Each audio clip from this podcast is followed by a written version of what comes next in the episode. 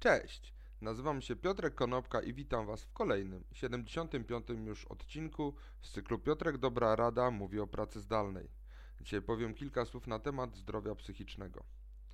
W 1999 roku jedna z brytyjskich agent rządowych zajmujących się BHP zrobiła badanie i wyszło, że blisko 20% pracowników mówi, że są albo bardzo, albo ekstremalnie, wręcz bardzo zestresowani w pracy właśnie z powodu pracy. Ponad 20 lat później, całkiem niedawno, inna rządowa agencja brytyjska, tym razem o nazwie Business in the Community i firma Marsh Benefits zrobiły podobne badanie i się okazało, że ten odsetek podwoił się. Co to znaczy? Prawie połowa z nas e, jest zestresowana albo bardzo mocno zestresowana w pracy i musi się w jakiś sposób z tym mierzyć, zwłaszcza w etapie koronawirusa, w trakcie pandemii. Co można zrobić, to widzicie tutaj po, e, w jednym z rogów w ekraniku. Można przyjąć taki pięciopunktowy plan związany z tym, w jaki sposób sobie radzić z a, ze zdrowiem psychicznym, tak żeby było, mm, żebyśmy po prostu byli zdrowi w tej pracy. Przede wszystkim na samym początku należy e, wprowadzić plan nastawiony na zmianę naszych zachowań, ponieważ praca zdalna i radzenie sobie e, w trakcie pandemii z pracą jest y, czymś innym od pracy stacjonarnej w trakcie standardowego życia człowieka. Jako firmy powinniśmy wprowadzić politykę zdrowia psychicznego, Kolejnym trzecim elementem jest wyszkolenie menedżerów tak, aby byli świadomi zagrożeń i umieli rozpoznawać niepokojące zachowania wśród pracowników. Należy stawić czoła chorobom psychicznym wynikającym właśnie z powodów pracy, takimi jak wypalenie zawodowe czy e, depresja. I na samym końcu, ale to już jest tak naprawdę podstawa działania w całej firmie, Wszyscy pracownicy powinni być wyszkoleni, należy wprowadzić programy edukacyjne. Natomiast jak tak naprawdę można się zachowywać na co dzień i jakie czynności takie bardzo proste podejmować, aby zaopiekować się tym zdrowiem psychicznym? Przede wszystkim bardzo często należy się z daną osobą kontaktować i przekazywać również jej feedback, tak żeby pokazać, że się o nią dba.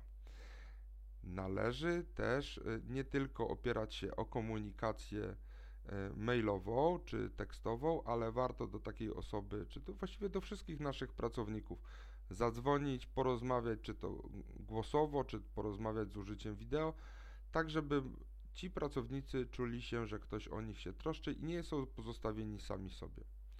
Warto zadbać o to, żeby budować swoje umiejętności komunikacyjne, ponieważ tak jak kilkukrotnie już w trakcie e, e, wcześniejszych odcinków Piotrka Dobrej Rady mówiłem, komunikacja przez Zooma z wykorzystaniem wideo jest czymś innym od komunikacji twarzą w twarz.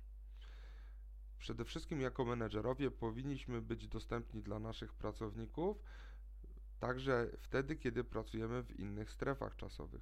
Po prostu musimy być dla nich dostępni. Dobrze by było, żebyśmy jako przełożeni mieli odpowiedniej klasy umiejętności techniczne, żeby tym pracownikom pomóc nawet w trakcie rozmowy z jakimś problemem, z którym oni się mierzą, to znaczy na przykład wideo im się zacina, jakaś aplikacja nie działa, co może dla nich być bardzo dużym problemem, a dla nas może być jednym z, e, jedną z drobnostek, którą możemy przy okazji rozwiązać.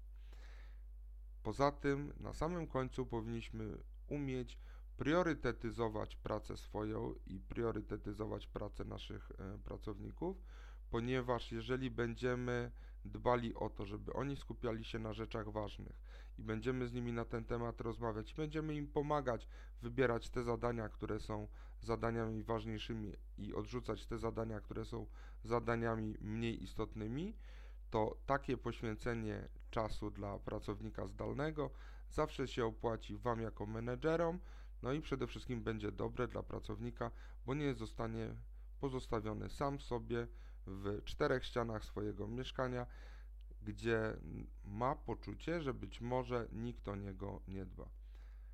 Także mam do Was dzisiaj gorący apel. Rozejrzyjcie się wokół siebie, zastanówcie się, którzy z Waszych pracowników, którzy z Waszych kolegów mogą potrzebować pomocy, z którymi nie rozmawialiście ostatnio, zadzwońcie do nich i po prostu zapytajcie się, jak się czują i nie potrzebują jakiejś Waszej pomocy.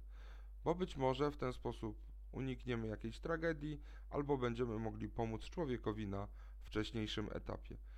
Zwłaszcza, że ludzie bardzo często nie potrafią poprosić o taką pomoc. Dzięki serdeczne, do zobaczenia i usłyszenia jutro. Na razie.